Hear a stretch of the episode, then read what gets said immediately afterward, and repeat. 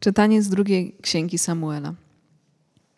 Gdy król Dawid zamieszkał w swoim domu, a Pan poskromił dokoła wszystkich jego wrogów, rzekł król do proroka Natana: Spójrz, ja mieszkam w pałacu cedrowym, a arka Boża mieszka w namiocie.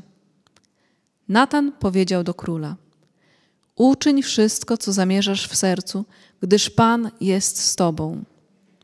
Lecz tej samej nocy Pan skierował do Natana następujące słowa: Idź i powiedz mojemu słudze Dawidowi: To mówi Pan. Czy ty zbudujesz mi dom na mieszkanie? Zabrałem cię z pastwiska spośród owiec, abyś był władcą nad ludem moim, nad Izraelem. I byłem z tobą wszędzie, dokąd się udałeś. Wytracałem przed tobą wszystkich twoich nieprzyjaciół. Dam ci sławę największych ludzi na ziemi. Wyznaczę miejsce mojemu ludowi, Izraelowi, i osadzę go tam i będzie mieszkał na swoim miejscu. A nie poruszy się więcej i ludzie nikczemni nie będą już uciskać jak dawniej. Od czasu, kiedy ustanowiłem sędziów nad ludem moim izraelskim, obdarzyłem Cię pokojem ze wszystkimi wrogami. Tobie też Pan zapowiedział, że sam Pan dom Ci zbuduje. Kiedy wypełnią się Twoje dni i spoczniesz obok swych przodków, wtedy wzbudzę po Tobie potomka Twojego, który wyjdzie z Twoich wnętrzności i utwierdzę Jego królestwo. Ja będę mu ojcem, a on będzie mi synem. Przede mną dom Twój i Twoje królestwo będzie trwać na wieki. Twój tron będzie utwierdzony na wieki. Oto Słowo Boże.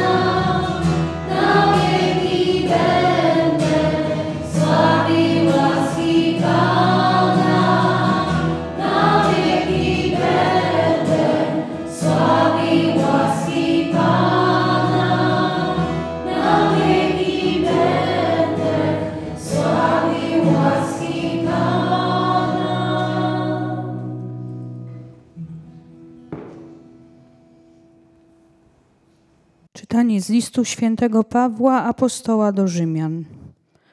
Bracia, temu, który ma moc utwierdzić was zgodnie z Ewangelią i moim głoszeniem Jezusa Chrystusa,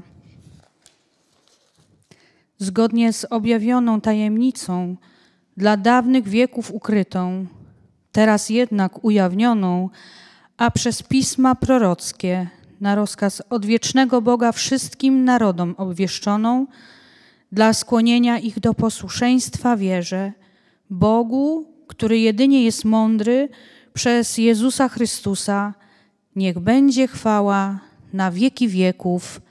Amen. Oto Słowo Boże.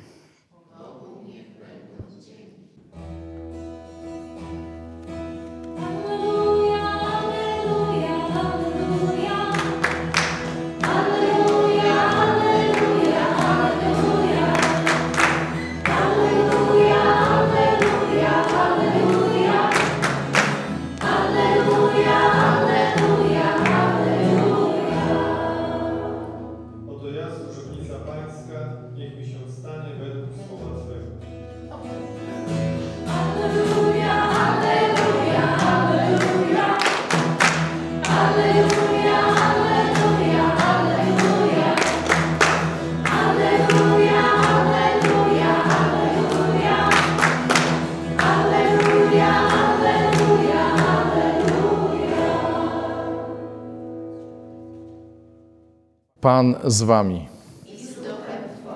Słowa Ewangelii według świętego Łukasza.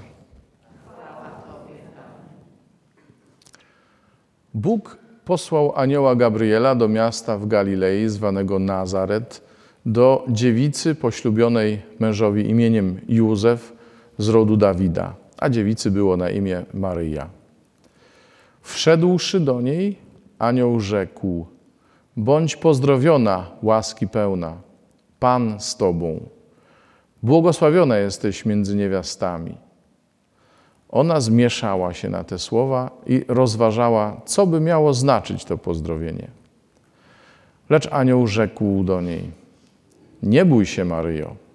Znalazłaś bowiem łaskę u Boga. Oto poczniesz i porodzisz syna, któremu nadasz imię Jezus. Będzie on wielki i zostanie nazwany synem Najwyższego.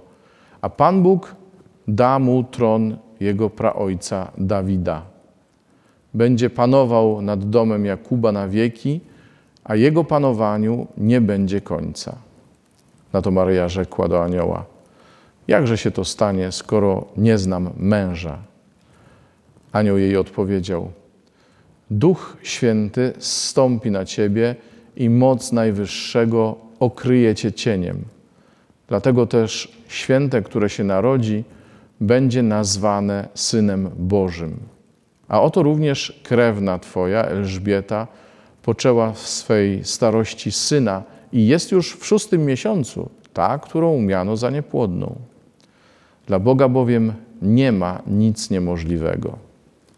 Na to rzekła Maryja: Oto ja, służebnica Pańska, niech mi się stanie według słowa Twego. Wtedy odszedł od niej anioł. Oto słowo Pańskie. Na początek mała dygresja, bo to nie o tym dzisiaj właściwie, ale ja się zawsze zastanawiałem, jak to jest możliwe, że Matka Boża nie znała swojego męża. Bo y, to przecież była już zaślubiona czy narzeczona, narzeczoną Józefa, no nie? I że nie znała męża, ale o co kaman właściwie? Y, Dopiero później się dowiedziałem, że y, to nasze znać to nie jest to samo, co biblijne znać. Znać y, u nas to znaczy coś o kimś wiedzieć, kojarzyć człowieka, mieć pojęcie, kto to jest, albo znać się z nim bliżej.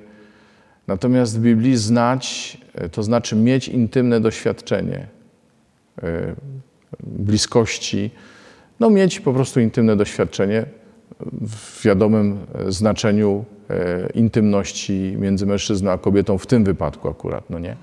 No ale to tak, e, to tak tylko tytułem e, dygresji, no bo, e, bo to jest takie trochę mylące to sformułowanie tutaj. Nie znam męża, nie, nie znam w ogóle. Józef, ale kto to jest? Więc słuchajcie, ale my nie o tym. Są takie rzeczy, które mnie też zastanawiają e, w tej liturgii i którymi się chcę z wami podzielić, bo e, skoro Dawid, skoro Dawid był wybrany przez Boga, a jednak nie miał budować e, świątyni, to na jakiej podstawie on był wybrany? Dlaczego właściwie, skoro Bóg od niego niektórych rzeczy nie chciał? I zobaczcie, Bóg nas nie wybiera tylko ze względu na to, co my mamy zrobić. I w ogóle się zastanawiam, czy, czy to jest kryterium Jego wyboru. Jasne, Bóg każdego z nas, niezależnie od tego, co my mamy do zrobienia, e, kocha. I to jest e, ta rzecz, o której my doskonale wiemy, ale nie zawsze sobie to uświadamiamy, bo jednak czasami uważamy, że ta miłość Boża powinna być limitowana do takich ludków, co na nią zasługują. No ale właśnie nie. Natomiast owszem, jest pewne kryterium wybrania, tak. I to dotyczyło Dawida, i to dotyczyło później Maryi. Jest takie kryterium. Dawid, kiedy został namaszczony na króla, chociaż był chłopczykiem pasącym owce i w ogóle nie, nie branym poważnie przez nikogo, włącznie ze swoim rodzeństwem i, i rodziną, y, przyjął ten wybór. Przyjął to namaszczenie. I Maryja, y, jak dzisiaj słyszymy, też powiedziała tak. Zadała pytanie, owszem, bo chciała zrozumieć, ale powiedziała: Jestem służebnicą Pana, niech się stanie tak, jak On chce. No nie? I y, kryterium tego y, Bożego wybrania y, jest więc to, czy ktoś mówi tak, czy nie. To na wypadek, gdyby ktoś zadał sobie pytanie, a właściwie dlaczego Matka Boża, a nie ktoś z nas? No nie? Został wybrany, żeby Jezusa przynieść na świat. A kto powiedział, że nikt z nas? Kto powiedział, że nikt z nas?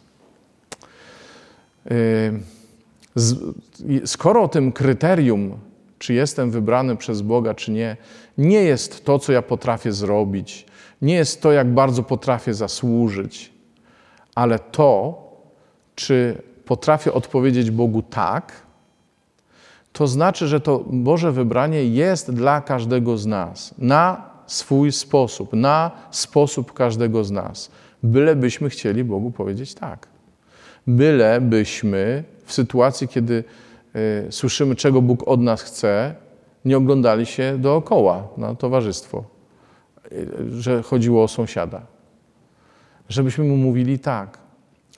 To nie jest zawsze takie proste, bo my byśmy chyba, mam wrażenie, czasami woleli, żeby wybór Boży był takim orderem przypinanym nam.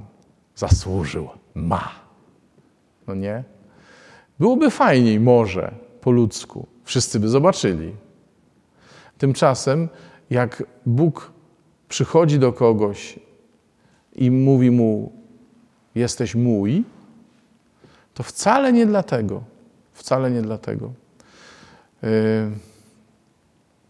tylko dlatego, że on chce. Wybrał sobie Dawida, wybrał sobie Maryję. Tak, znał prostotę ich serc. Zgoda. Dzięki Bogu, że ani Dawid, ani Maryja nie narobili obciachu i nie powiedzieli, przepraszam, wybierz kogoś innego. Z Mojżeszem już nie było tak łatwo, pamiętacie? Bóg musiał przekonywać Mojżesza, bo go wybrał, tak? Wybrał go, żeby przez Mojżesza okazała się Boża troska o Izrael przy e, uwolnieniu Żydów z Egiptu, Izraelitów z Egiptu. I no może nie ja, bo ja jestem ten, się jąkam i w ogóle jestem niewymowny i w ogóle najlepiej wybierz kogoś innego. I musiał długo przekonywać Mojżesza Bóg, no ale w końcu ustąpił, dzięki Bogu. Pomyśl sobie, do czego Bóg Ciebie musi długo przekonywać. E, w czym nie dałbyś się Bogu wybrać? Czego byś nie chciał? Bóg nie działa wbrew nam, ale Bóg potrzebuje naszej otwartości. Yy, I skoro tak to wszystko wygląda, to znaczy, że my yy, mamy doświadczyć czegoś dobrego od Boga w tym właśnie Jego wybraniu. Nie mamy być podejrzliwi, że Bóg chce nas ograbić, że Bóg chce nam zrobić krzywdę, tylko że nas chce obdarować i cokolwiek, cokolwiek, o cokolwiek nas poprosi w życiu. Czasami nas prosi, żebyśmy e, przeżywali jakieś trudne momenty, bo ma do nas zaufanie, że damy radę. Ma zaufanie, że damy radę. Czasami nas prosi, żebyśmy coś szczególnego zrobili, nie wiem, jakieś powołanie typu e, tu mieszkańców tego domu, nie? Życie w, w dziewictwie dla Królestwa Niebieskiego. Czasami naszym powołaniem będzie człowiek, którego postawił przy nas. Wasi mężowie, wasze żony. E, to, to też jest powołanie, które trzeba przyjąć. To też jest e, misja, na którą trzeba powiedzieć tak. Więc to przyjmowanie Jezusa nadchodzącego e, w tym czasie, to jest też przyjęcie Go z, z myślą o tym, że jest to jakaś misja, że jest to jakieś wyzwanie, owszem, e, no ale też, że jest to coś za darmo. Jesteśmy tą stajenką betlejemską. Jesteśmy prostymi naczyniami, które Bóg chce napełnić swoją obecnością. Zgódź się na to, że nic nie możesz zrobić, żeby Bóg do ciebie przyszedł. Niczym na to zasłużyć. I że Bóg przychodzi w to, co jest puste w tobie, we mnie, w to, co jest słabe, w to, co jest ubogie. W to przychodzi Bóg, żeby to napełnić. I liczy tylko na moje tak, że my Mu nie, e, nie będziemy szczędzić tej naszej pustki, tego naszego nic, że nie będziemy chcieli tego sami napełniać, że pozwolimy Jemu to napełnić, że pozwolimy Jemu wejść w to wszystko. Więc y, zwłaszcza tym, którym, z którymi się nie będziemy widzieć, chciałbym w tym momencie złożyć takie właśnie życzenia, żebyście mieli odwagę przyjąć y, Pana Boga w to, co w Was puste, słabe, ubogie, w te wszystkie sprawy. Nie myślcie sobie o tym, że najpierw musicie to napełnić, żeby Bóg przyszedł. Nie. Bóg przychodzi właśnie w te miejsca, których sam chce. Przyszedł do Dawida, niepozornego chłopaczka, przyszedł do 12-13-letniej dziewczyny Maryi, która nie, nie rozumiała, nie wiedziała, ale była na tak.